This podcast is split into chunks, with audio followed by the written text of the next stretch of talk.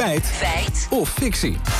Over Lammerts burgemeesters. Ja, want hoe worden die gekozen? D66-politicus Céline Blom was al een paar maanden waarnemend burgemeester in Nunspeet. Een echte SGP-gemeente.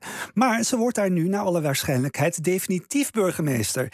Tweede Kamerlid voor Ja21, Dirk-Jan Epping, uh, tweette gisteren daarover. De aanstelling van een burgemeester moet voortkomen uit uitslag van verkiezingen gemeenteraad. Een D66-burgemeester in een gemeente waar D66 zelfs geen zetel heeft, is gevolg van netwerkcorruptie in Den Haag. Plus poging die gemeente politiek te polariseren. En dat noemt zich D66. Oké, okay, want u zegt de gemeenteraadsverkiezingen... die moeten de burgemeester bepalen. Volgens Epping wel, ja. Anders is het een gevolg van corruptie dus blijkbaar. We belden eerst met Douwe-Jan Elzinga... emeritus hoogleraar staatsrecht aan de Rijksuniversiteit Groningen.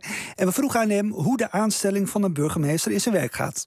De meerderheid van de gemeenteraad uit een aantal sollicitanten hè, worden aangereikt. Eentje kiest en dan moeten er twee mensen op de aanbeveling. En uh, dan is het eigenlijk altijd zo dat de kroon, hè, de regering, de nummer één op de aanbeveling overneemt. En dat betekent eigenlijk dat hè, de, de, de gemeenteraad een, een heel veel invloed heeft op de verkiezing van de, van de burgemeester.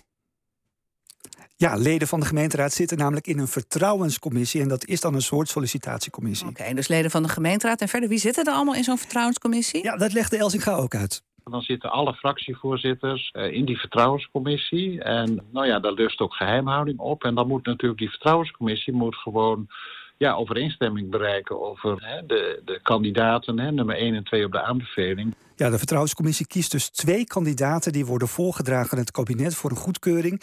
En daarna wordt de beste kandidaat door de kroon benoemd tot burgemeester. En is dit dan een, een nieuw proces of gaat het al heel lang zo? Hij gaat sinds 2001 op deze manier, legt Bert van den Braak, bijzonder hoogleraar parlementaire geschiedenis aan de Universiteit van Maastricht, ons uit.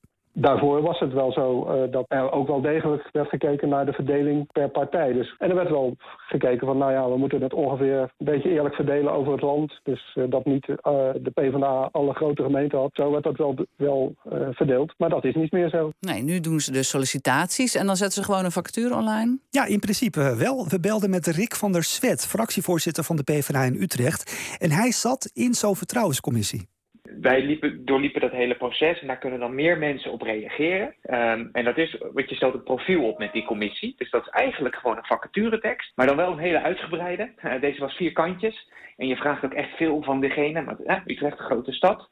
En daar kunnen mensen op reageren. Uh, en toen hebben verschillende kandidaten gereageerd. En uiteindelijk hebben we uit die kandidaten een keuze kunnen maken. En dat werd toen Sharon Dijksma, die door de gemeenteraad daarin werd gekozen. Oké, okay, en moet de burgemeester ook een, een, meerderheid hebben, of de partij van de burgemeester ook een meerderheid hebben in de gemeenteraad? Ja, nou, we legden de tweet van uh, Dekan Epping voor aan Rick van der Swet. Is een D66-burgemeester in Nunspeet, een gemeente waar D66 zelf geen zetels heeft, het gevolg van netwerkcorruptie in Den Haag? Als iemand burgemeester wordt in een gemeente waar, D66, waar de partij zelf, in dit geval D66, maar het kan ook andere partij zijn, er niet in zit of heel klein is, en je wordt toch gekozen als, gekozen als burgemeester, dan weet, je, dan weet je zeker dat dat niet die partijkleur is. Want die, want die partij die bepaalt daar maar heel weinig in. Dus dan heb je gewoon door de kwaliteiten die je meebrengt als kandidaat, die meerderheid voor elkaar gekregen in, uh, in de gemeenteraad. Oké, okay, ik hoor me al een beetje aankomen. Volgens uh, Dirk-Jan Epping hoort de aanstelling van de burgemeester voort te komen uit de uitslag van de gemeenteraadsverkiezingen. Is dat feit of fictie? Een burgemeester wordt gekozen door de vertrouwenscommissie die bestaat uit leden van de gemeenteraad. Zij zetten een vacature online en daar kunnen mensen vervolgens op reageren. En die vertrouwenscommissie beoordeelt de sollicitant op geschiktheid voor de functie. En welke partij, van welke partij deze kandidaten zijn, is dus dus niet doorslaggevend. Het is fictie.